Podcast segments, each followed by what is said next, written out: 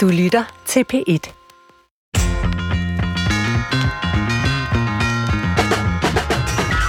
Stig Tøfting har en stor tatovering med ordene No Regrets. Ingen fortrydelser. Samtidig er der mange, der går rundt og siger, at det er bedre at gøre noget, man fortryder, end fortryde, at der er noget, man ikke fik gjort. Så laves der også undersøgelser af, hvad mennesker rent faktisk fortryder, når de ligger på dødslejet. Og det er måske værd at interessere sig en smule for, før det er for sent. Og nu er Stig Tøftings selvbiografi, der så også hedder No Regrets, blevet til et teaterstykke, og det fik mig til at tænke over, hvilken rolle fortrydelse spiller i vores liv. Burde vi spørge os selv noget oftere, vil jeg fortryde det her? Tak for, at du har stillet ind på Brinkmanns Brix. Jeg håber ikke, du fortryder det. Jeg har længe gerne ville spørge dig, til rettelægger, Christoffer Heide Højer. Fortryder du, at du øh, sagde ja til at lave Brinkmanns Brix? Du er jo tvangsindlagt til at høre på mig uge efter uge. Nej, jeg får for det første penge for det, så det hjælper jo altid lidt. Men nej, jeg, jeg synes, arbejdet er løn i sig selv. det den er her sammenhæng. næsten rigtigt. Ja. Ej, Svend, nu, øh, nu spørger jeg jo tit dig her uge efter uge, apropos, om et eller andet og i dit privatliv. Og du siger altid, du siger altid noget super kedeligt, og sådan noget, nej, jeg har aldrig øh, gået til psykolog, nej, jeg har aldrig oplevet at være deprimeret, nej, jeg har ikke oplevet sorg i mit liv. Den her slipper du ikke udenom. Din største fortrydelse i dit liv. Hvad Jamen, jeg er vidste bare, det? du ville spørge om det. Det er det samme journalistiske greb uge efter uge. Ja, jeg- jeg bliver heller ikke bedre. Christoffer, du må også finde på noget nyt snart. Øh, ej, helt ærligt, øh, så tror jeg godt, jeg kan finde noget, jeg fortryder. Øh, og jeg mener egentlig også, det ville være mærkeligt, hvis jeg ikke kunne. Øh, hvis jeg skal nævne en af de sådan større ting, altså der er jo selvfølgelig alt muligt småtteri, man kan gå og fortryde. Åh, oh, jeg skulle ikke være blevet vred på ham dengang, og så videre. Men jeg brugte øh, noget tid efter gymnasiet på en dårlig måde. Altså, ja. det, det fortryder jeg. Jeg tror, jeg kunne have fået mere ud af mit sabbatår, øh, end det, jeg gjorde, som var øh, egentlig utrolig lidt øh, eventyrlystent, nemlig at tage til Belgien og arbejde på en gulvristefabrik i øh, Vallonien øh, uden for Liège. Det var hårdt, og det var kedeligt, og jeg gjorde ikke andet end at savne min kæreste, øh, og det fortryder jeg. Okay, det er... Jeg ved ikke, jeg, jeg lader den gå. Det, det, Det skulle være det fedeste og frieste år i, i, i, i livet. Og så stod jeg ved en 60-tons presse og lavede gulvriste. Men der bliver, jeg, jeg bliver nødt til at anholde. Kunne du ikke sige dig selv, at det ville være kedeligt? Jo, men det kan man jo altid bagefter. Øh, Men dengang, der så jeg det jo som en mulighed for at lære fransk. Øh, Jeg havde ikke lige tænkt igennem, at de jo ikke rigtig talte med hinanden, når de stod og arbejdede på den her fabrik. Og at jeg ville bo i sådan en lille øh, landsby ude ved den her fabrik, øh, ikke engang inde i Liège. Og at der faktisk ikke rigtig ville være så meget at lave. Øh, så begyndte jeg at styrketræne. Det var lidt ligesom at være i fængsel, tror jeg. At der begynder de også altid at tage armbøjninger og sådan noget, for ligesom at ja. holde sig selv lidt oppe. Og jeg holdt ud i, hvad var det, ni måneder eller syv måneder, et eller andet den stil, og så, så tog jeg hjem, og så havde jeg lært sådan lidt øh, belgier, belgier-fransk. Det synes jeg alligevel er imponerende. Men øhm, øhm, Svend, kan man, kan man fortryde hvad som helst? For jeg kom til at tænke på, at det jo også handler om, hvad du selv gør, og så hvad der sker mod dig. Altså for eksempel, så kan jeg jo ikke fortryde Putins krig, krig mm. men jeg ville kunne fortryde, hvis jeg tog ned og deltog øh, på en eller anden måde. Altså der er jo vel forskel på noget, der sker uden for en, og hvad man så selv har gjort.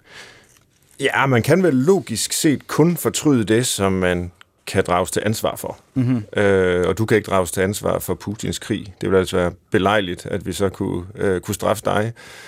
Øhm, så det kan du ikke fortryde. Du kan ikke angre det.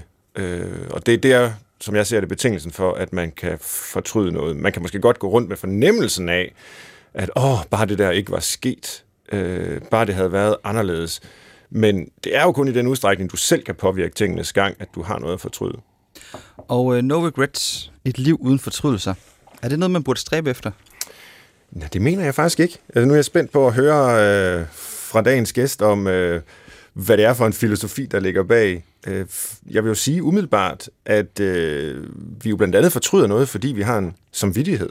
Mm. Øh, hvis vi gør noget forkert som mennesker, og det kan vi jo ikke undgå. Øh, og når, når, når, vi lever sammen og øh, lever vores liv, så gør vi noget, der er forkert, og så bør vi jo fortryde det. Så kan vi rette op på det, sige undskyld, men det gør vi jo kun, hvis vi fortryder noget.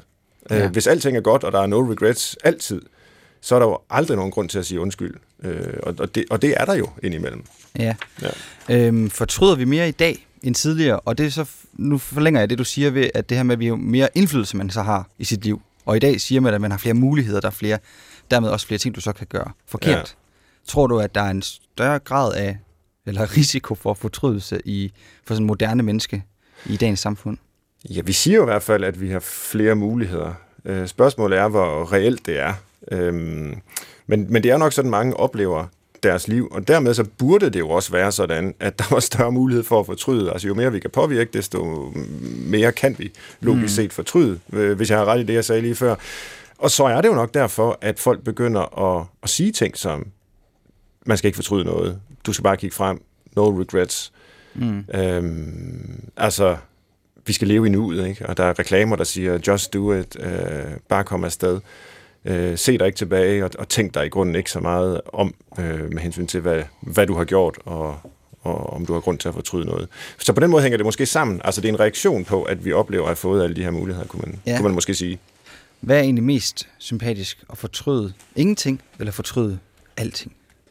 Uha, det er jo en svær, et svært dilemma lige frem mellem ingenting og alting. Øh, så vil jeg sige, at det nok kommer an på, hvem vi taler om. Altså, Anders Breivik, den norske massemorder, ja. forbryder, øh, terrorist. Jeg håber, at han på et tidspunkt kommer til at fortryde alt det, han har gjort, som har gjort så utrolig ondt på så mange. Øh, så i hans tilfælde, så, øh, så håber jeg, at han kommer til ja, at fortryde det meste. Men, men omvendt, så er der jo også en, en hel masse almindelige mennesker, som ikke er ondsindede forbrydere, som måske går rundt og, og fortryder alt for meget. Alt muligt, som jo egentlig var fint nok i mm. deres liv, men hvor de bare har fornemmelsen af, åh, oh, jeg skulle have gjort noget andet. Kunne det ikke også have været sådan? Og øh, hvorfor gik jeg den vej og ikke den vej? Eller hvad det nu end er.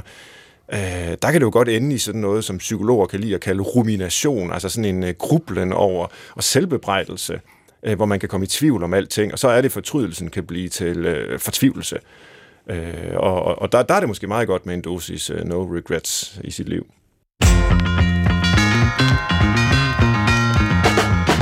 Velkommen til Brinkmanns Brix på P1, hvor jeg i dag vil finde ud af, om jeg skal fortryde en hel masse, eller om jeg øh, skal leve efter sloganet No Regrets.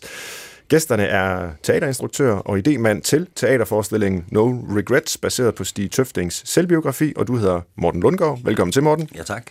Tusind tak for, at du vil være med. Vores anden gæst, øh, en gammel kending af programmet, er evolutionspsykolog, Ph.D. i primatologi og videnskabsformidler Jill Byrnit. Varm velkommen til dig også, Jill. Ja, tak fordi I vil se mig. Det er godt at have dig tilbage her. Nå, nu har jeg jo lært, hvordan man stiller de her journalistiske spørgsmål af min, øh, min gode Christoffer øh, i udsendelsen. Nu får I simpelthen det samme irriterende journalistspørgsmål. Hvad har I fortrudt i jeres liv? Dig først, Morten. Du må have tænkt meget over det i forbindelse med forestillingen her, øh, forestiller jeg mig. Øh, jamen, det har jeg i hvert fald på Stigs vegne. Okay. Nej, det Hvad er du, Stig har fortrudt? Øh, det er rigtigt, det er der et, øh, et, et stort begreb, og jeg, jeg spurgte faktisk mine øh, højskoleelever, da jeg underviste dem øh, i morges, om, om de kunne nævne noget, de havde fortrudt. Ja. Øh, og så spørger de jo selvfølgelig også mig. Ja. Øh, og, og jeg må hellere se, fortælle samme historie, fordi det var det, der ligesom poppede ind i mit hoved. Jeg, jeg tror, jeg har 100 ting, jeg kunne fortælle. Men den første, der ligesom øh, poppede ind, var, at jeg var på vej til skole i min øh, folkeskoletid. Jeg kan ikke huske, om jeg sådan går i 6. 7. klasse. Men jeg har i hvert fald fået nys om, at en, øh, en pige øh, er vild med mig. Mm. Og, øh, øh, og jeg, jeg, jeg kan ikke øh, lide, at hun er vild med mig. det, det, jeg synes ligesom, jeg er out of her league på en eller anden måde. Altså meget usympatisk. Okay, øh, så du er out of league, ja, jeg vil. Det tænkte jeg i hvert fald om mig selv. Ja. Øh, og, og i 6. 7. klasse, hvor jeg ikke vidste, hvordan man i tale satte sådan nogle ting, så kørte jeg på min cykel, og så sparkede jeg hende på cykelstien. Nå. Øh, og jeg vidste i et øjeblik, at jeg gjorde det, at det var forkert. Ja. Og et hvert øh, anstændigt menneske ville jo have stået af cyklen og sagt pænt undskyld. Øh, det kunne jeg bare ikke. Nej. Fordi at jeg kunne ikke være i mig selv over, at, at hun kunne lide mig, og det var øh, næsten sådan social selvmord, hvis jeg ligesom kunne lide hende på den måde. Det var pinligt, eller hvad? Ja, det var ikke rart, at Nej. hun kunne lide mig. Og, og det var ligesom den følelse, jeg ligesom øh, havde i kroppen, da jeg så umotiveret, vil jeg, vil, må jeg hellere sige, sparker hende med mit øh, ret gode venstreben, for jeg var ret god til at spille fodbold. Mm. Øh, det fortryder jeg inderligt. Gjorde du allerede det dengang, at det lige var sket? Altså nu siger du, du, du, Nej, jeg- du, jeg- du vidste, du skulle være stået af og sagt undskyld, men du cyklede faktisk videre. Men var det, fordi du fortrød det? Det synes jeg er svært at definere, men Ja. jeg, for, jeg fortryder det nu. Ja. Øh, og, øh, og jeg fik følelsen, da, i det øjeblik, jeg gjorde det, at det var forkert. Og det er vel næsten at tilsidesætte den med en fortrydelses... Ja. Øh, men det, øh, jeg, har, jeg har stadigvæk mareridt om det. Wow. Ja. Jeg har selv øh, lignende oplevelser fra min egen barndom, faktisk, øh, som jeg slet ikke tænkte på, da Christoffer spurgte mig før. Men altså det der med, at man har gjort noget... Øh, jeg kan huske, at jeg engang skubbede en skolekammerat ud over en skrant. Altså det var ikke sådan livsfarligt eller noget. Det var ikke sådan en kløft, hvor han faldt mange meter ned. Men, men det var bare sådan i, ligesom lidt i kodhed, og mm. nu skulle han også bare, og, s- og så videre. Og han røg ned, og jeg tænkte bare, shit, hvad er det, jeg har gjort? Altså, og det sidder også i mig, og nogle gange så, øh, så kommer det som sådan en slags øh, flashback. Ja. Men det er jo egentlig bare et tegn på, at, at vi moralske væsener, også mennesker. At, Ja, at men- noget, og- vi, vi gjorde for så længe siden, øh, kan, kan sidde i os som en moralsk grunderfaring. Ja. Ja, øh, oplevelsen øh, bliver også mere præsent for mig, fordi jeg mødte hende faktisk i toget for 10 år siden, Okay. hvor, hvor, jeg, var, hvor jeg sad i lang tid og tænkte, nu, nu, nu går du hen og siger undskyld. Ja. Øh, og det gjorde jeg. Hun havde fire smukke børn, som Ja. hun sad med der i togkupéen. Øh, og så sagde jeg undskyld, og så ville hun ikke tage imod min undskyldning. Hun kunne godt huske det, Hun kan huske det. og det synes hun ikke var i orden. Nej. Og øh, det kan jeg godt forstå. Ja. Øh, men i, lige i det øjeblik, der, der følte jeg jo, at jeg gjorde det rigtige. Øh, men hun er jo i sin gode ret til at sige pænt nej tak. Øh, Ja. det kan jo også være, at hun har haft frygtelig mareridt om en eller anden nar, der cyklede forbi hende ja. og sparkede hende. Altså, Så, så det fortryder jeg faktisk. Det kan jeg godt forstå. altså tit så tror vi måske, at den slags, vi kan huske selv i vores liv, jamen det er nok bare mig, der hænger mig i det og kan huske det. Så derfor så er det jo faktisk øh, altså, øh, det- bemærkelsesværdigt, at, at hun kunne huske det, ja. Ja. og, og det sad i hende i en sådan grad, at hun faktisk ikke ville tage imod din undskyldning. Præcis. Ja. Det gjorde, Jamen- at jeg nok må, måtte fortryde det endnu mere, Ja. hvis man kan det. Mm.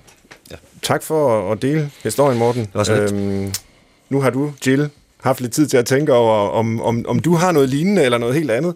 Øh, ja. Er der noget, du har fortrudt i dit liv? Ja, selvfølgelig. Der er der masser af fortrydelse. Det tror jeg da de fleste, når man er en vis alder. Jeg er over 50, så det er næsten umuligt at gå gennem livet uden at have adskillige ting. Mm. Jeg synes, det der er det for- forsonende ved jeres øh, fortællinger, det er, at I var så unge.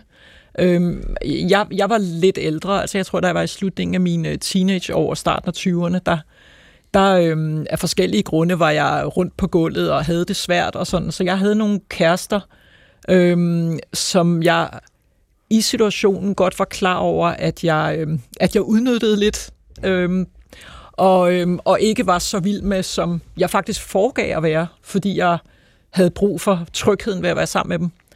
Øhm, og jeg forsøgte også så nogle år efter, for jeg behandlede dem virkelig ikke særlig pænt. Jeg vil ikke gå i detaljer, men mm. det gjorde jeg ikke. Nej. Øhm, og, og den ene øh, kæreste der mødte jeg så mange år efter og prøvede lidt det samme, som, som Morten så gjorde, øh, med at, øh, at forklare mig og sådan. Og så viste det sig, at med de der forklaringer, så, så gjorde jeg bare endnu mere ondt. Fordi at øh, vedkommende havde ikke været klar over, at jeg jo havde været så bevidst om den her udnyttelse dengang. Jeg var faktisk bevidst om det i situationen også. Ja. Det er jo det, der gjorde det sådan lidt tricky. Og det vil sige, at jeg faktisk bare fik gjort ondt værre. Øhm, Men nu siger du, du prøver at forklare det. ja, Øh, er det, det er jo ikke det samme som at undskylde, øh, som, som det Morten, han, han tilbød jo ligesom, ja, en, en, eller fremsagde en undskyldning. ja, men det gjorde jeg faktisk også. Okay. Men så ja. havde jeg, og jeg ved ikke, om det var sådan et egoistisk behov. Jeg kan, jeg, jeg, den dag i dag kan jeg stadig ikke finde ud af, hvad der motiverede mig for at ikke bare sige undskyld, men ligesom, det var vigtigt, at, øh, at vedkommende forstod, hvorfor jeg kunne finde på at gøre sådan noget. Det kan godt være, at det var stærkt egoistisk. Og det vil sige, at jeg fik ligesom bare sovset mig endnu længere ind i det her. Og det gjorde virkelig ondt. Altså, mm. det kunne jeg se. Det, det havde nok også gjort ondt øh, der alle de år tilbage. Men det her gjorde det bare meget, meget værre. Øhm, og vedkommende sagde meget, øh, meget fornuftigt det her med, at, at hvordan, hvad skal man stille op med det, at, at det var sådan øh, Ja. ja. nærmest sådan retroaktivt ubehageligt. Øhm, og det, øh, ja, det, det er noget, jeg må leve med, tror jeg. Ja. Tak, Jill, også for at, at dele den fortælling, som jo er, er lidt tættere på i tid, må man sige, men som også trods alt ligger nogle år tilbage. Ja, og, nogle årtier, heldigvis. Ja, netop. Kan, kan du sige lidt om, Jill, fra et øh, psykologisk perspektiv, og, og måske også et endnu bredere, øh, udover at vi er, er, er mennesker, så er vi jo også en del af et, et dyrerige, ja. øh, hvor vi deler træk med, med især nogle af de her højere primater, som du ved en masse om. Altså, hvad er egentlig formålet med, at vi går rundt med den slags oplevelser af at fortryde noget, som, som vi alle tre lige har, har lagt på bordet her. Hvad er formålet med fortrydelse? Altså jeg tror dels, som du jo siger meget rigtigt, så, så er det jo en eller anden form for øh, sådan øh, bieffekt, eller hvad vi nu skal kalde det, af det her med overhovedet at have en samvittighed. Mm. Øhm, fordi altså, i fortrydelse ligger jo også, at, at man skal have haft en intention om at gøre noget. Altså hvis man kommer til at gøre noget ved et uheld, selv hvis konsekvenserne er rigtig dårlige, så kan man jo godt fortryde, hvis man kommer til at køre nogen ned. Så kan man selvfølgelig godt fortryde, at man kørte til højre i stedet for til venstre. Ja. For så ville man ikke have kørt den ned, hvis man havde gjort noget andet og sådan noget. Men, øh, men der skal jo være en eller anden form for intention altså mm. i, i det, man gjorde. Og, øh, men der er jo også det i det, at mennesket er jo efter rigtig meget at dømme det eneste væsen, som, som ikke bare har en væren i verden og, og sådan en ageren, et jeg, der går rundt og gør nogle ting, men også har en selvopfattelse. Altså det her med, at vi kan se os selv udefra. Mm. Øh, vi kan se, hvordan andre folk opfatter os. Øhm, det gør jo, at vi også kan tage bestik af vores liv, og vi kan se, om vi opfører os som den person, vi faktisk gerne vil være i forhold til de værdier og normer, vi nu har. Øhm, og jeg synes, det er et komplekst, øh, et, altså det er jo en kompleks ting at kunne fortryde, for der ligger jo også det i det, at vi øh, nok også er det eneste øh, dyr, som har eksistentiel viden om, at vi ikke bliver ved med at være her. Mm. Altså, hvis, altså livet er jo på den måde sådan en underlig, en underlig klæde. Vi kan, ikke, øh, vi kan ikke ligesom prøve at gå til højre, og så næste gang kan vi gå til venstre, og så kan vi se, hvad der kommer mest ud af. Øhm, og det er der jo en, en kolossal, øh, et kolossalt ansvar i. Ja. Og måske hænger de to ting sammen. Det tror jeg i hvert fald, nogle eksistensfilosofer vil sige. Altså, hvis ikke vi havde bevidstheden om vores egen dødelighed, endeligheden, så var der jo ikke grund til at fortryde noget. Altså, fordi så kunne alt jo gøres om uendelig mange gange. Øh, det er jo ligesom det, at der er en udløbsdato. Ja. Der er en horisont for det, hvor det stopper der gør, at, at, at vi bliver nødt til at tage nogle ting alvorligt, og, og kan gøre noget forkert, og dermed fortryde det. Og det gør jo også sådan i løstrups øh, forstand, eller sådan, at man kan sige, at, at vi, hvis man er lidt velreflekteret, så det, at vi ved, at vores eget liv har en udløbsdato, så med det ligger der jo også, at vi ved, at andre menneskers liv er lige så ja. skrøbeligt, og de er lige så udsatte, som vi er. Og det bør jo for alle empatiske væsener øh, give en... Øh, ja, give mulighed for den her fortrydelse, ikke? Mm. hvis vi gør noget ved dem, som vi ikke skulle have gjort. Lad os vende os mod øh, teaterforestillingen, øh, Morten. Mm. Nu kender mange lyttere jo garanteret plæneklipperen øh, Stig Tøfting, der var landsholdsspiller i rigtig mange år, kendt for en hård attitude. Han har de her tatoveringer, han ser barsk ud, øh, men, men også en enormt sådan, likable øh, person. Øh, og, og så har han den her tatovering hen over maven, No Regrets. Øh, hans biografi af samme navn blev en bestseller. Men hvorfor egentlig lave alt det til en teaterforestilling? Jamen, øh, øh, for det første er jeg teaterinstruktør, så det er jo mit arbejde at finde på idéer. Ja. Øh, og så øh, sad jeg derhjemme i mit køkken og sad og ledte efter næste projekt, og øh, havde sikkert set en fodboldkamp, fordi det er det, jeg ser mest af øh, i fjernsynet. Øh, og har jo læst øh, Stigs bog og har fuldt Stig, øh, siden jeg kan huske. Øh, og har egentlig altid tænkt, at der lå en, en dramatisk historie øh, efter at have læst bogen, og med, med det privatliv, som Stig har haft øh, ved siden af sin fodboldkarriere, øh, former der sig jo sådan en slags antihelt. Mm. En Robin Hood, om man vil. Øh, og øh, det er også det, du siger, at han er likable, men Stig har jo også været i, i fængsel for vold. Mm. Øh, øh, øh, har slået flere mennesker ned i sit liv. Øh, en nede på Stortorv, som er med i forestillingen, og en en skalle på Café Ketchup efter VM i 2002. Mm. Øh, og så er han stadigvæk likable. Ja. Øh, og det, det er i sig selv interessant i, i teaterperspektiv at have en, en karakter, som har mere end en side. Ja. Så jeg er kæmpe fodboldfan. Øh, så for mig var det også en, en forening af mine, mine to store passioner, øh, altså fodbold og teater. så den lå lige, lige til venstre benet hjemme i mit køkken, tænkte jeg. Og så ringede jeg til Stig, og det var ikke, fordi han, han kunne se nogen god idé i det. Øh, Okay. I hvert fald ikke ved efter det første møde. Øh, men så begyndte jeg at tale fodbold, og så kunne jeg ligesom charme ham hjem på den måde. Ja. Jeg kunne sidde og rette ham og fortælle, at det var ikke den gang, Stig, der spillede du i Hamburg. Og, øh, så, øh, og det er jo ikke fordi, at jeg... Altså, jeg, jeg, jeg synes bare, det er en pisse god bog, som ja. No Regrets øh, forestillingen er bygget på, som er skrevet af Lars Stens i samarbejde med Stig. Og, og hvad er egentlig hans historie? Øh, Jamen, men Stig har jo øh, øh, en, en, et par familietragedier øh, under bæltet. Øh, Stig kom hjem øh, til sin forældres lejlighed, da han var 13 år og fandt øh, sine forældre døde. Faren havde skudt moren, og to timer efter valgt at skyde sig selv. Og det er Stig, der kommer hjem og ser det. Mm. Øh, og det starter jo også forestillingen, øh, den scene. Og senere i livet øh, mister han en søn til meningitis. Øh, hans fjerde barn, øh, 26 øh, dage gammel, øh, dør ude på Skyby, og øh, jo tragedier, jeg slet ikke kan sætte mig ind i, mm. øh, og som i hvert fald, hvad jeg påstår i forestillingen, øh, må give et eller andet drive til noget overlevelse. Øh, for Stig er det med voldsdomme og forkerte fodboldvalg, og hvad det nu måtte være, Stig også har været igennem, jo også en lidt øh, et statement for ligesom at kunne stå ved det. Lidt, lidt corny sagt, så, så står det jo også på en gajolæske. Ja. Øh, og, og det er jo en, en eller anden, hvad skal man sige, en forsimplet form. Øh, men den virker jo. ja. Det er jo... Øh, Stig har, har, har ikke brugt tid på at, at fortryde de ting. Han, han har ligesom sige, nu har jeg gjort det, så står jeg ved det. Og i Stigs tilfælde, så måtte han jo i fængsel Ja. for, voldet, for volden. Øh, han kan jo ikke fortryde øh, forældrenes død, eller hans søns død. Øh, men men han, han fokuserer på, at han ikke skal falde ned i en depression over det, og sørge for at holde gang i livet, som han også har fortalt mig, så havde han jo tre andre børn mm. og en kone. Øh, de skulle have det bedste af ham. Ja. Så det er sådan et øh, altså motivational statement, tror jeg, man kalder Ja, det, det på engelsk. jeg. Ikke? Altså Ja. en motivationssætning, der holder ham Holder nogenlunde flyvende Ja. øh, med jeg alle vil- de jeg- tragedier, han har oplevet. Jeg vil, jeg vil da selv ønske, at jeg, at jeg kunne... Altså, det skal jo ikke, jeg forklarer jo ikke Stig ved at sige, at det er simpelt. Øh, men, men jeg bruger enormt lang tid og en masse tanker på de ting, jeg ligesom har skulle fortryde eller kunne skulle lave om. Mm. Øh, og der kan jeg godt misunde, at, at han kan have sådan en holdning, og så lukke ned, og så sige, "Men det kan jeg ikke beskæftige mig med, fordi jeg kan ikke gøre noget ved det. Ja. Sådan er jeg ikke indrettet. Nej.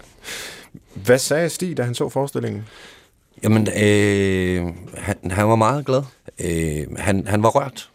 Han er stolt af, at vi har valgt ham til at lave en, en teaterforestilling om ham. Ja. Øh, Jill, øh, hvad, hvad skal vi sige psykologisk om øh, Stig Tøftings historie her? Det er selvfølgelig øh, svært, hvis ikke umuligt, at analysere en mand på afstand, men nu har han jo lagt sit liv frem, og det er dramatiseret. Øh, hvad går det ved et menneske at, at erfare det, som, som, som Stig Tøfting har erfaret?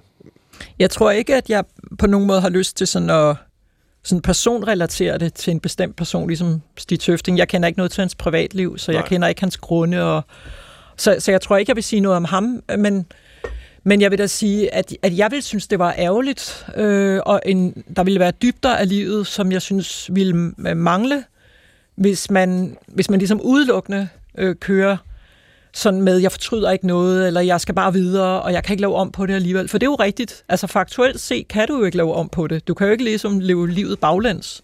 Mm. Men, men jeg synes jo, at i og med, at vi kan fortryde ting, så kan vi, øhm, så kan vi undlade, eller forsøge at undlade at gøre de samme dumme ting igen.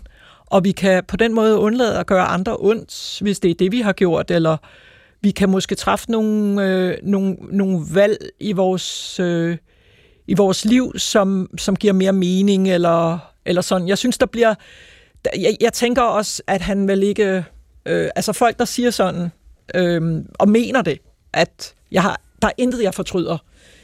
Jeg, jeg tænker, at enten er det sådan et, også lidt et udslag af sådan en vestlig kultur med because you're worth it, at du er, har altid ret. Mm. Du er den mest fantastiske person, og det, og det er der jo sådan et eller andet... Øhm, igen, ikke med reference til Stig Tøfting, men der er jo noget sådan lidt barnligt over, du er en prins eller en prinsesse hele tiden, lige meget hvor sindssygt du opfører dig. Mm. Det er den ene ting, og den anden ting er jo også, at øh, jeg tænker jo også, hvis man, altså sådan ville det være i mit eget liv i hvert fald, at hvis jeg havde denne her med, jeg kan lige så godt bare gå videre, fordi jeg kan ikke lave det om alligevel, der ville jo også være en voldsom forsvarsmekanisme i det. For så behøvede jeg ikke at forholde mig til, hvad jeg render rundt og laver af mm. vilde ting, og, og, og man kører med sin bil, og der er lige over det hele, og man går slet ikke ind og siger, gud, måske er jeg en dårlig bilist. Jeg har tænkt på, da jeg, jeg forberedte udsendelsen her, og altså prøvede at overveje, hvad det overhovedet vil sige at fortryde noget. Øh, hvordan gør man det, så at sige? Øh, jamen, så nåede jeg sådan umiddelbart frem til, at det er jo sådan set ikke noget, man gør. Altså, det er jo ikke en viljeshandling. Det er jo ikke noget, Nej, man ja. udfører. Det er jo noget, man opdager, at man har gjort. Ja. Øh, eller det er noget, der sker med en, kan man måske også sige. Altså, man kan jo ikke vælge at fortryde Nej. noget, hvis man vidderligt ikke fortryder det. men, men tror du ikke, der kan være et meget stort... Øh, undskyld, afbrød Nej, det, nej, overhovedet nej. ikke. Jeg tænker mig, tror du ikke, at der er et meget stort kulturelt ting i det her også? Fordi jo. hvis du er i en kultur, hvor man hele tiden siger, because you're worth it, mm. og, og øh, ingen kunne øh, gøre det her bedre end dig, du er en prins eller en prinsesse, så får man jo også en eller anden form for mandat til at øh, nej, der er sgu da ingen grund til at bruge din tid på det, bare videre. Mm. Øh, og der kan jeg se for mig, at, øh, at der er andre kulturelle måder, man kunne gå til det øh, som ville meget mere vende dig til, eller lære dig, at, at være i den her fortrydelse. Hvad, hvad kunne det være? Nå, men jeg kan jo se for mig, at hvis du er i en kultur, hvor man... Øh, altså nu har jeg været rejst en del i Asien, og der er jo steder der, hvor man er meget mere... Øh, altså de fleste steder i Asien er man meget mere på kollektivstanker, ikke? Mm. Så der er man jo meget mere på det her med, at du skal faktisk være, være omgængelig. Du skal faktisk være i stand til at indgå her i nogle forpligtende fællesskaber. Og det er ikke dig, det drejer sig om hele tiden. Og, øh, og der er der jo forskellige måder, man kan ligesom øh, regulere det her. Nogle gange er det desværre ved udskamning. Ikke? Mm. Det er jo ikke så fedt, men, men det er dog en måde. Eller man kan have, være steder, hvor man har samtaler med hinanden, buddhistiske samtaler, om, omkring det her med øh, at leve sit liv, og, og, og hvad er meningen med det, og sådan. Ikke? Og det synes jeg jo ikke i vores kultur, desværre. Vi har jo ikke mange af de her øh, du skal dø en dag snakke, og hvad, hvad, hvad betyder det for dit liv? Nej, det, vi, vi går til psykolog i stedet for. Ja, men der er jo problemet med psykologer, og det ved jeg, du vil nok være enig med mig i. problemet med psykologer er, de, at der præster jo mange bedre tit, ikke? fordi psykologer har lidt denne her, der skal være et fixet et sted. Ja. Der skal være et takeaway message. Jeg tænkte på, at jeg vil godt øh, kaste øh, noget ind, hvis man researcher på øh, det at fortryde så dukker der hele tiden øh, et navn op, øh, Bronnie Ware, som har lavet øh, en af de bekendte sådan, studier af, hvad mennesker fortryder. Og jeg ved ikke, hvordan hun rent etisk har fået lov til at, at interviewe mennesker på deres dødsleje, men det er angiveligt det, hun har. Og det er med i alle mulige selvhjælpsbøger. Mm. Øh, det findes overalt på internettet, og, og nu kan I lige få de her øh, fem ting, mennesker alt andet lige lader til at fortryde, når de ligger på øh, i, i deres sidste tid. Nummer et, jeg ville ønske, at jeg havde haft mod til at være tro mod mig selv, og ikke blot leve op til andres forventninger til mig. Nummer to. Jeg ville ønske, at jeg ikke havde arbejdet så meget. 3. Jeg ville ønske, at jeg havde haft mod til at udtrykke mine følelser. 4. Jeg ville ønske, at jeg havde holdt kontakten til mine venner. Og 5. Jeg ville ønske, at jeg havde lavet mig selv være lykkeligere. Man kan jo godt forstå, at det øh, øh er noget, der kommer ind i, i, i selvhjælpsbøgerne. Øh, det her med, øh, stå ved dig selv, øh, giv dig lov til at være lykkelig, øh, brug ikke hele dit liv på at arbejde, men øh, være i kontakt med dig selv og dine følelser og dine venner og alt det der. Altså det, det er på en måde sund fornuft. Øh, og spørgsmålet er, hvad kan vi egentlig bruge det til? Øh, os, der lever nu, og, og, og ikke øh, som sådan er i gang med at dø. Men vi kan begynde måske med, med, med dig, Morten, og, og din erfaring med at lave den her forestilling, og dit arbejde som, som øh, højskolelærer. Altså, Tror du, at den slags påmindelser, der kommer fra den her forsker, øh, på en eller anden måde kan hjælpe os i vores liv nu?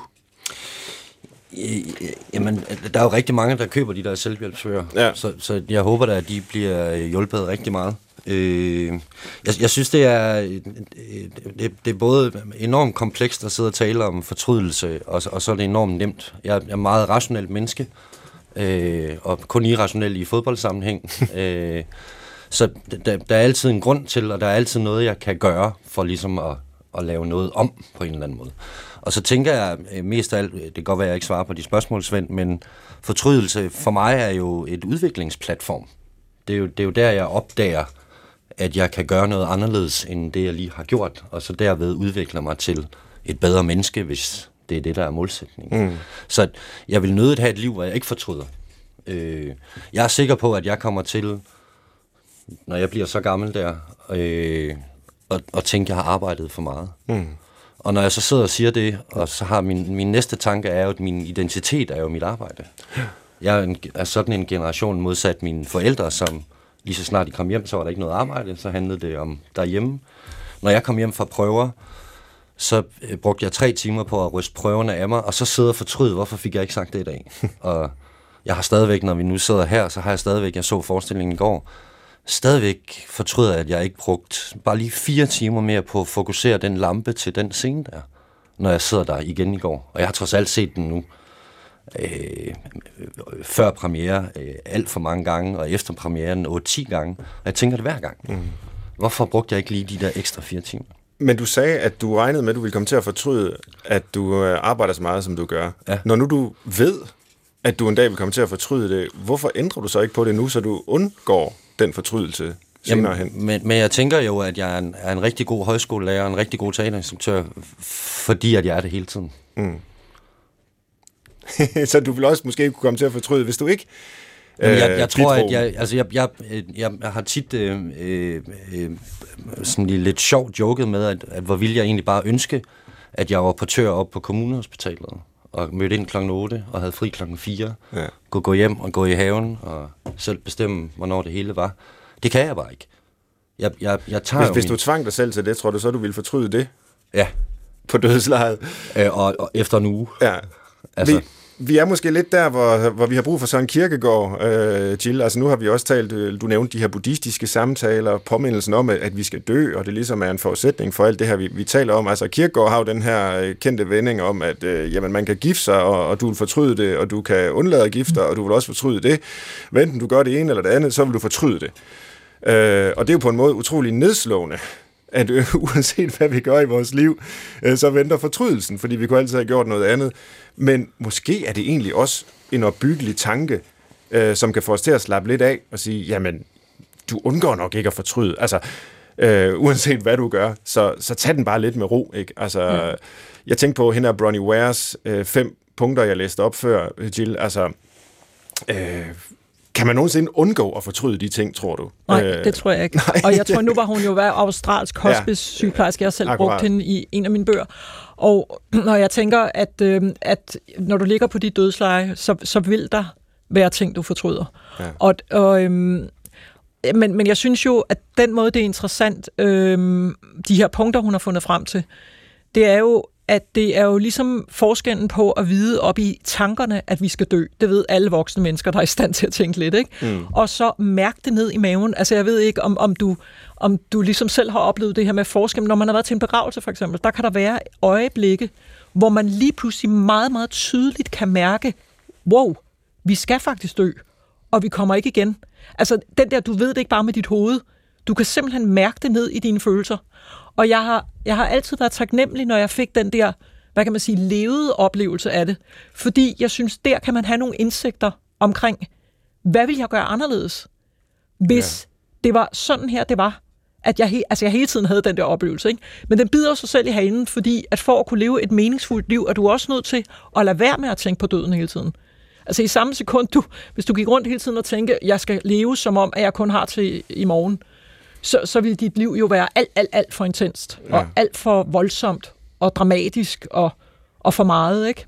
Ja. Øhm, Ja, der er det ikke, jeg tror, det er Tolstoy, der har skrevet om Ivan Illich øh, død, og det, det, det, der er sådan nogle meget stærke beskrivelser af, at øh, den her hovedperson, Ivan Illich, han, øh, han ligger på dødslejet og får pludselig erkendelsen af, at han har spildt sit liv. Altså, han har ikke bare fortrudt øh, dette eller i hint, at han arbejdede for meget, eller var for meget på sociale medier, eller, eller hvad ved jeg, øh, så mange af os måske har grund til at fortryde, øh, at vi bruger tid på. Han, han, han, han følte, at han havde spildt hele sit liv. Åh, oh, det er frygteligt. Det er frygteligt. Og, øh, og, og der er det jo, at fortrydelsen øh, nærmest kammer helt over og bliver til altså, ren eksistentiel fortvivlelse. Og, og, og hvis du siger, Jill, at vi kan nok ikke undgå at fortryde noget, det hører ligesom menneskelivet til, hvordan undgår vi så om muligt, at øh, fortrydelsen ikke bliver til decideret fortvivlelse? Det tror jeg ved, at vi at vi ikke siger, at jeg fortryder ingenting hele livet, fordi mm. at der er problemet, så venter der en saldo til sidst. Ja. Altså i hvert fald, medmindre du så går lige ud og aldrig kommer til at mærke ind til det der, ikke? Ja. så kan man sige, at ved at du fortryder løbende, eller hvad vi nu skal kalde det, så har du jo mulighed for, at, altså øh, jeg nævnte tidligere de her to øh, kærester, der var meget ung, som jeg virkelig ikke behandlede særlig godt. Det har lært mig noget, og jeg synes faktisk, jeg er blevet et væsentligt bedre menneske ved, at jeg har ikke behandlet nogen siden på den måde. Og det gør, at jeg ikke behøver at ligge måske på mit dødsteg, det kan jeg i hvert fald håbe, og, og tænke, wow, jeg har spildt hele mit liv. Mm. Fordi man løbende har kunne forsøge at blive lidt klogere og gøre noget, der var lidt bedre. Øhm, det, det er sådan, jeg ser det. Ja. Morten, hvis vi skal trække lidt på dine erfaringer som øh, højskolelærer også, ja. øh, udover at du øh, laver teater, så, så arbejder du også på en højskole, som du har fortalt om. Jill var lidt inde på det her med, at vi har øh, et samfund, hvor... Øh, hvor vi, vi tror, at vi har alle muligheder, alle døre står åbne, vi skal egentlig bare gribe dagen, øh, og så videre, så videre, så videre. Pludselig er der jo rigtig meget at fortryde, øh, både måske det, man gør, men især det, man ikke får gjort, når der mm. er de, de, de mange muligheder. Hvordan forholder unge mennesker, som du møder dem, så egentlig øh, til det, til det her samfund af muligheder? Jamen, øh, to ting. Det, det ene er, at de er enormt trætte af, at de bliver talsat som værende, som om de har flere muligheder end alle andre. Øh, det ja. oplever jeg. Mm-hmm. Øh, og så oplever jeg, at de er skridtet foran fortrydelse, at de er bange for at vælge, hvad nu hvis de vælger forkert. Ja. Øh, og det synes jeg er en tendens, jeg, jeg sådan har oplevet her over de sidste 4-5 år, hvis jeg sådan skal putte over på. Øh, det er jo ikke noget nyt, at vores ungdom er stresset. Øh, de føler, de, de kan blive alt i hele verden, og kan slet ikke finde ud af at tage det rigtige valg, og de starter med at studere i min optik øh, for tidligt. Øh, ikke at det er en rettesnor og skal vente til man er 25, men jeg tænker, desto øh, ældre og mere moden du bliver, desto rigtigere bliver din valg. Mm. Øh, så jeg, jeg synes, at højskoleeleverne øh, fortryder mange ting. Altså ligesom jeg har fortrudt mange ting i mit liv. Jeg, jeg, jeg har en fornemmelse af, at de fortryder det lidt hårdere end, end min egen generation. Øh, og, og det, det synes jeg er lidt øh, nedslående, at de, før de tager et valg, har de allerede fortrudt det valg, som de ikke har taget. Ja. Øh, det er virkelig et paradoks, synes jeg, ja. at sidde med. Som om, at der, der opstår noget før fortrydelse, som jeg ikke har et ord for. Har du samtaler med dem øh, om, om ja, det men I, I forhold til at blive inviteret herind, så har jeg faktisk brugt nogle af mine, mine sidste timer på at, at sådan i, i plenum mm. sådan høre, hvad, hvad, hvad har I fortrudt? Og, og det, øhm, det har altid sådan en negativ klang. Øh, det har ikke sådan en, som Jill beskriver, eller som jeg selv beskriver, øh, at det kan være grobund for en udvikling, eller at man faktisk kan blive et bedre menneske af. Og, altså, der skulle så de der to fyre til for Jill, for hun kunne blive en uh, god kæreste. Det, det, that's life. Mm. Det er jo en, en livspræmis, at vi, at vi lærer, mens vi lever. Ja. Og det, og det oplever jeg faktisk højskolen være, højskoleeleverne være en, en lille smule angst eller bange for. Ja.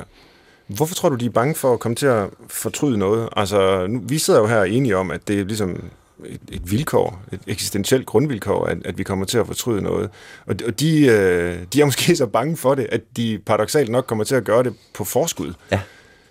Hvorfor tror du det? Jamen, øh, alle mulige samfundsstrukturer. Ja. Altså, jeg, jeg har øh, i 10 år været højskolelærer. For 10 år siden, der, der havde jeg øh, der, der var der slet ikke så meget fokus på øh, diagnoser og øh, angst, og eleverne kommer og fortæller mig, at du klar over, at hver syvende har angst her på højskolen, og ja. øh, det synes jeg er voldsomt. Øh, og øh, de diagnoser, der er øh, rundt omkring dem, gør jo, at, at livet generelt bliver sværere. Øh, Ja, det har en masse holdninger til. Det er jo ikke det, det handler om. Øh, men, men jeg synes, jeg oplever, øh, og jo ikke over en bred kamp her, det er jo ikke mine øh, 110 elever ude på højskolen lige nu, der alle sammen sidder med den her, men sådan spredt rundt i forskellige grupper er der, er der unge mennesker, som før de tager et valg, fortryder det valg, de så skal tage.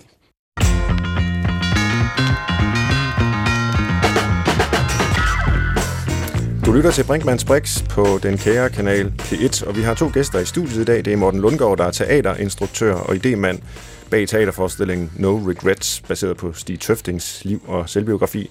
Og så er det Jill Byrnit, som er evolutionspsykolog, Ph.D. i primatologi og videnskabsformidler. Og så har vi til min store fortrydelse står det, jeg skal sige, men det, jeg fortryder det ikke, Christoffer Heide Højer, jeg er rigtig glad for, at vi har dig siddende som altid. Du har jo nemlig til opgave at afsløre min øh, værtsmæssige inkompetence ved at stille de spørgsmål, jeg har glemt eller overset. Eller ikke havde tid til, Svend. Tak for det. Der er ja. også nogle gange bare et tidsspørgsmål. Det er det helt ofte. okay, du ikke når det hele. Tak. Øhm, jamen, jeg kunne godt tænke mig så at vide, hvordan man fortryder rigtigt, fordi det lyder måske lidt tosset, men hvis man nu skulle prøve at være lidt, øh, lidt selvhjælpsagtig alligevel, og så sige, Et kursus i fortrydelse. ja, jeg, jeg skal jo så tydeligvis ikke gøre det på forhånd, har jeg lige forstået, men jeg skal alligevel fortryde en smule, når jeg gør noget forkert, fordi så bliver jeg alligevel lidt bedre øh, menneske hen ad vejen. Altså, hvor, hvor, det er et rigtig irriterende spørgsmål, men kan man graduere, hvornår og hvordan man skal fortryde, Jill?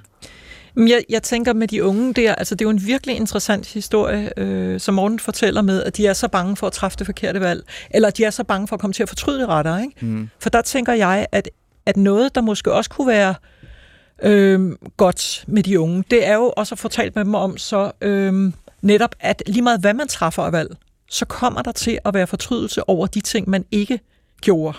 Altså, og, det, og det er ligesom et uundgåeligt livsvilkår. Så der skal også en vis portion mod til at dykke ned i fortrydelsen. Og jeg er meget fortrøstningsfuld omkring fortrydelse. På den måde, at jeg tror, det er ligesom med sorg. Der er intet, der skal diagnostiseres her. Man skal kaste sig over det, gå all in, og så øh, på den bedste, mest primitive, vilde måde. Og så, så tror jeg på, at det faktisk, hvis man tør at dykke ned i det, så tror jeg på, at det faktisk opløser sig. Mm. Øhm, jeg tror ikke, det er sådan, ligesom folk nogle gange kan være bange for med sorg, at man kommer aldrig ud af det igen. Jeg tror faktisk, det er snarere det der med, hvis man prøver at undgå følelserne omkring fortrydelse, at så kan man godt nok få et svært liv. Ja. Svend, nu har nævnt Morten den her med at blive portør, og så øh, altså, i gåseøjne have et simpelt liv. Øh, den her evne, vi har til på en eller anden mærkelig måde at forholde os til vores egen væren hele tiden, er det, for det tænker jeg også er noget med fortrydelse, at gøre. altså har det egentlig skabt mere lidelse end gavn? Altså, ja, der er jo nødt til at svare som øh, forsker og videnskabsmand og sige, det, det ved vi ikke. Altså, og det er et rigtig komplekst spørgsmål.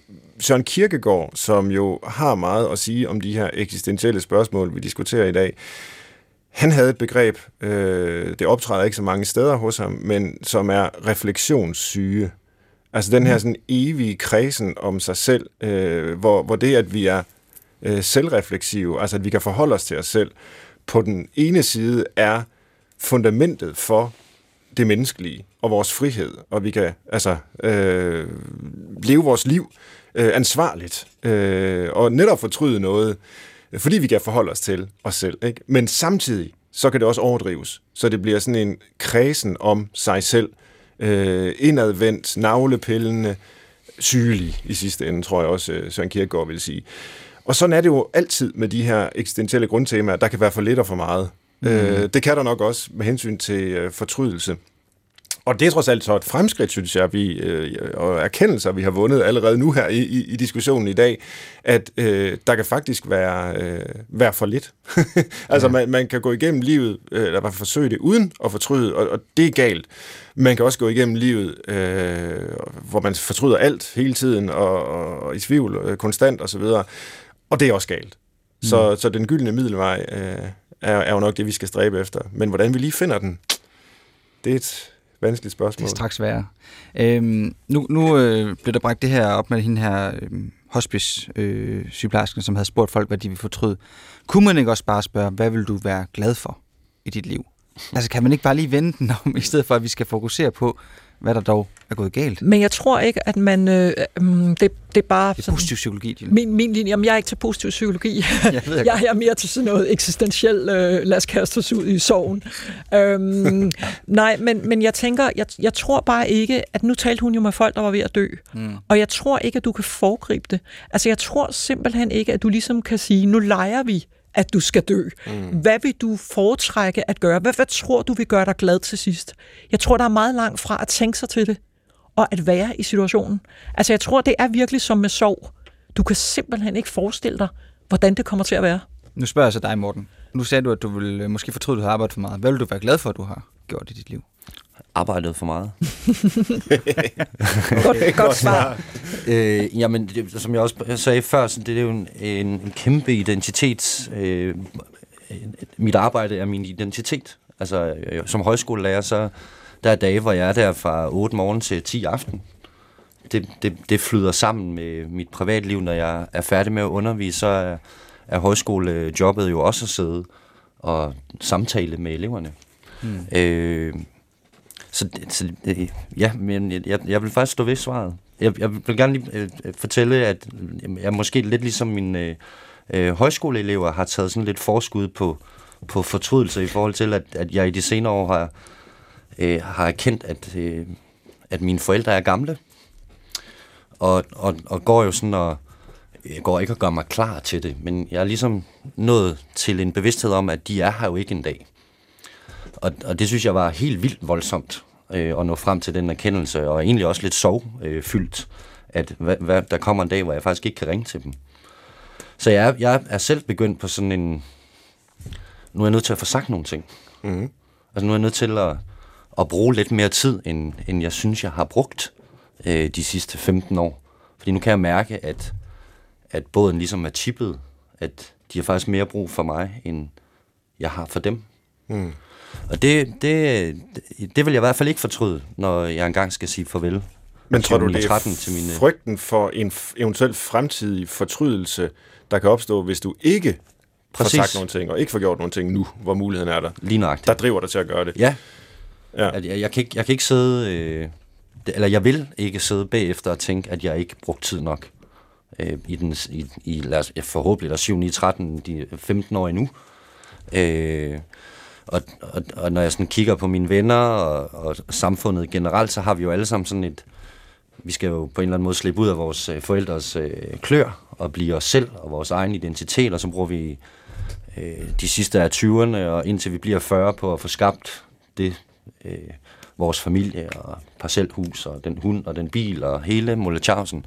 Og egentlig til side, i hvert fald i mit eget vedkommende, til side sætte mine forældres behov for at være sammen med mig. Mm. Og der, der er så i, i forhold til at, at tænke, at de jo ikke er her for evigt, nået frem til, at jeg, jeg vil ikke sidde og fortryde, at jeg ikke har nået at være mere sammen med dem. Mm. Og det er jo interessant, nu fortalte du lige om de her øh, højskoleelever før, som måske er så bange for at øh, træffe det forkerte valg, at de fortryder på forskud, hvor frygten for fortrydelse nærmest bliver sådan helt lammende, måske øh, ødelæggende for deres liv, og samtidig kan fortrydelsen eller øh, tanken om en eventuel fremtidig fortrydelse også være moralsk opdragende, som den lader til at være i dit eget liv mm. og i relation til dine forældre. Så det er den samme følelse, eller den samme erfaring, der kan pege ind i to nærmest modsatte retninger. Og den ene, hvor man gør noget godt og vigtigt, og den anden, hvor man måske står forvirret og ikke får gjort noget, fordi man er så bange for at gøre det forkerte. Mm. Hvordan bruger vi fortrydelsen eller øh, øh, frygten for den rigtigt, tror du? Jamen, øh, det, det, det tror jeg ikke, jeg kan svare på. Nej. Altså, jeg, jeg, jeg tror, det handler om, og det er også det, jeg hører jer snakke om, at finde den balance. Mm. Altså, det, det er jo ikke enten eller. Vi, vi er jo nødt til at finde en tømmerflåde, eller hvorfor et billede, jeg nu skal bruge på det, og så navigere bedst muligt ud fra den. Øh, vores egen moral og vores egen etik styrer jo vi styrer jo det her, det er jo alt sammen individuelt, hvordan vi, vi har det med fortrydelse. Ja. Altså, jeg, jeg, jeg synes, at, at, at, at den negative klang, der ligger i fortrydelse, jeg synes, det er skide godt, Christoffer siger, men hvorfor kan vi ikke tale om, hvad der har været vildt fedt i vores liv, når vi ligger på dødslejet? I stedet for at skulle tale om det, jeg ikke nåede, eller mm. Det, jeg fortrød. Øh, så det er jo mere en hyldest af livet, jeg synes, vi skal hen til. Men jeg tror også, altså nu er det så Bronnie Ware og hendes undersøgelse, ja. der er blevet øh, verdensberømt, fordi hun faktisk har spurgt om det her. Altså de gange, jeg har været ved et dødsleje, så har det jo ikke været det spørgsmål, jeg har stillet til det menneske, Nej. som øh, Men, det har bare har sådan været en, der. Vel, altså, så har vi jo talt om det gode, der har været i livet. Ikke? Men tror du ikke, Svend, at det er fordi, at, at så uden at være ekspert i, øh, mm. i, i dødsfald, så tænker jeg, at, at de mennesker, jeg har kendt, som var ved at dø, de har faktisk et stort behov for at tale om det. De har et meget, meget stort behov for at tale om de ting, de skulle have gjort. Så det er åbenbart noget meget menneskeligt, i hvert fald i vores kultur. Jeg skal ikke kunne sige det i verden over. Men meget menneskeligt det her med at ligge og tænke over, hvad skulle jeg have gjort anderledes? Ja. Øhm. Og er det kun Ja, det er måske et dumt spørgsmål at stille, fordi jeg tror, jeg kender svaret, Jill, men altså, det er vel kun mennesket, der har den evne øh, den gave, det er at kunne fortryde, fordi det er det, der gør os moralske. Men, men, men, men en gave, der også kan blive en forbandelse, hvis det bliver for meget. Øhm, og så er der alligevel jo, det husker jeg jo også fra, fra dit arbejde, altså vi, vi har kendt hinanden gennem, øh, gennem mange år, hvor vi lavede PhD og sådan noget, og blev, blev, blev forskere uddannet, øh, at, at der jo er, øh, hvad kan man sige, øh, reminiscenser af, eller, eller noget, der ligner moral og, mm. og altruisme hos, øh, hos andre dyr end mennesket. Kan nogle af de dyr fortryde, tror du? Nej, jeg tror ikke, de kan fortryde, og det er fordi, at, at jeg tror, at for, i fortrydelsen ligger der ikke kun det her med moral og empati og altruisme. Der ligger også det, at man ved, der er en udløbsdato. Mm. Altså, det, så selve det at vide noget om døden, det, det er en forudsætning for at kunne fortryde, hvor underligt den lyder, for det er jo ikke, som man hele tiden går rundt og tænker, at jeg skal dø en dag. Men, men jeg tror, der ligger det i det, at dit liv ikke kan gøres om. Altså, for hvis vi kunne gøre det om igen og igen og igen og igen, så, så kunne du jo bare lave en bedre version næste gang. Ja. Men, men, og der er ikke rigtig noget, der tyder på, at andre dyr, altså der er bestemt andre dyr, der kan sørge. Det er der rigtig meget, der tyder på. Men det her med at have en dybere indsigt i, døden betyder faktisk også, at jeg ikke er her en dag. Mm. Det er der ikke noget, der tyder på, at øh, nogle andre dyr end mennesket kan. Kan vi på nogen måde øh, gøre os bedre i stand til at leve med fortrydelsen? Altså det er igen det her med, hvordan vi undgår, at den bliver til fortvivlelse. Fordi vi har ligesom slået fast, at den er et uomgængeligt, uomgængeligt vilkår. Ingen går igennem livet uden at have noget at fortryde. Mm. Men kan vi, øh, kan vi lære at håndtere den bedre som, som samfund, og ikke bare som individer? Er der, er, er, der, er der nogen af jer, der har bud på det? Jamen, det, det simple svar er jo, at, at vi skal ikke være bange for at fortryde. Nej. Øh, men, men jeg ved godt, at sådan hænger verden jo ikke sammen. Jeg, jeg, øh, jeg, jeg ville ønske, at det, at, at det var noget, man kunne øh, debattere øh, åbenlyst. Jeg ville ønske, at alle kunne komme på briksen, og øh, jeg ville ønske, at jeg selv havde fundet på, at, at jeg kunne tale med mine højskoleelever om det. Det er jo kun fordi, jeg er blevet inviteret herind, at jeg sådan er blevet bevidst om begrebet fortrydelse i, i sådan en kontekst, at det rent faktisk jo åbnede for en kæmpe snak på højskolen øh, med mm. eleverne. Øh, det tager jeg da med mig videre, og forhåbentlig kan jeg, kan jeg putte noget ind i hovederne på dem, så de ikke bliver bange for at vælge noget, som de ikke har valgt endnu. Og jeg er meget, jeg er meget enig med Morten. Altså, jeg tror rigtig meget kunne være vundet ved, at vi simpelthen bare, ligesom alle mulige andre ting, mm. øh, at vi taler om, at det er simpelthen det er et livsvilkår. Du kommer til at have fortrydelse lige meget, hvad du gør.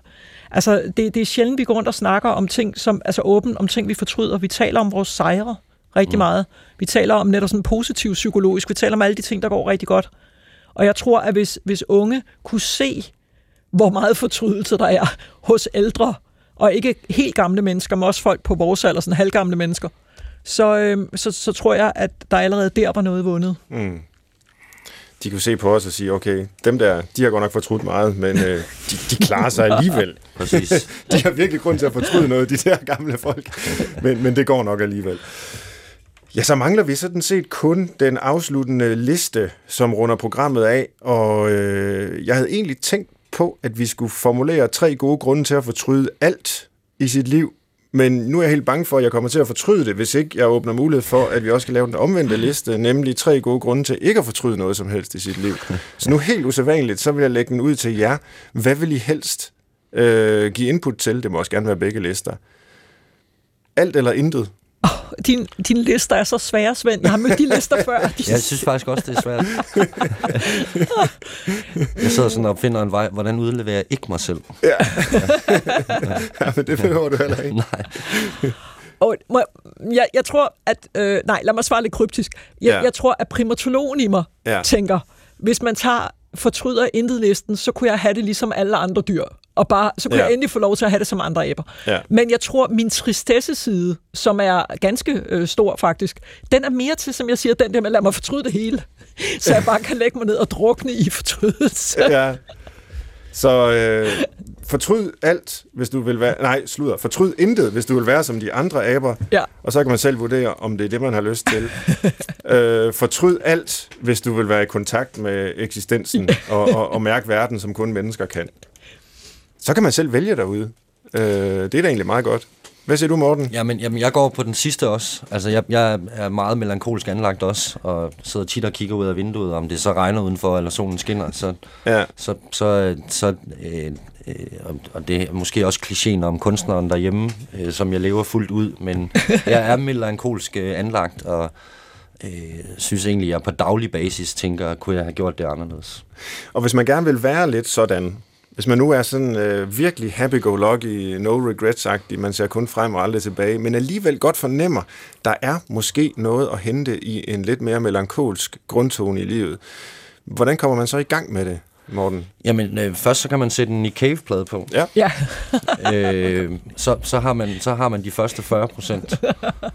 øh, og hvis man så tør høre pladen, så har man de næste 20. Så er man på 60. Okay. og, og, og så er der frit lejde derfra, tænker Ja. jeg. Øh, jeg tænker, at øh, jeg, jeg finder enormt meget, øh, og det er jo også mit arbejde, at finde øh, stemninger i, i både altså i bøger, eller kunst, eller kultur, eller hvad det nu er, jeg skal forholde mig til. Og, øh, og det kommer fra mekal- melankolske steder. Ja. mig. Og hvad med forestillingen No Regrets? Kan den hjælpe en? Jamen det synes jeg, fordi at, øh, at, at Stigs øh, historie er jo også en historie om håb, og, og have klaret den på trods af de familietragedier, som Stig har været igennem. Ja. Jill, har du øh, et øh, input til, til lytterne? Nej, jeg synes, gerne vil i simpelthen, nej, jeg synes simpelthen, at Mortens svar var så godt. Jeg elsker Nick Cave, og, og jeg, jeg hører aldrig Nick Cave, fordi at så, så kommer jeg helt ned under gulvbrædderne. Mm. Øhm, så jeg synes, det var et fantastisk svar. Jeg, jeg er også meget til stemninger, så jeg tror, at bestemt musik og film og, og sådan noget er en rigtig god måde at komme i kontakt med det mest sådan eksistentielt sårbare.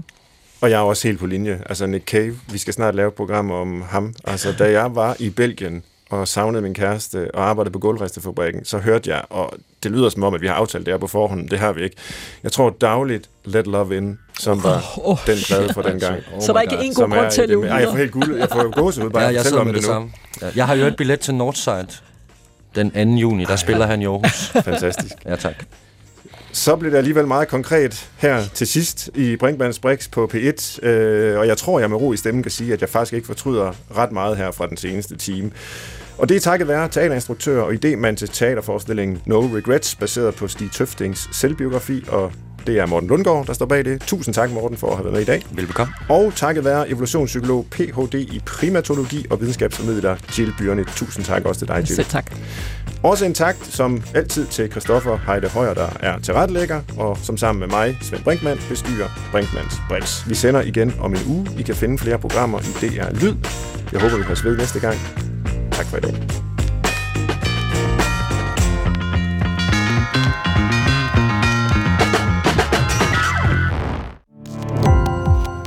Gå på opdagelse i alle DR's podcast og radioprogrammer. i appen DR Lyd.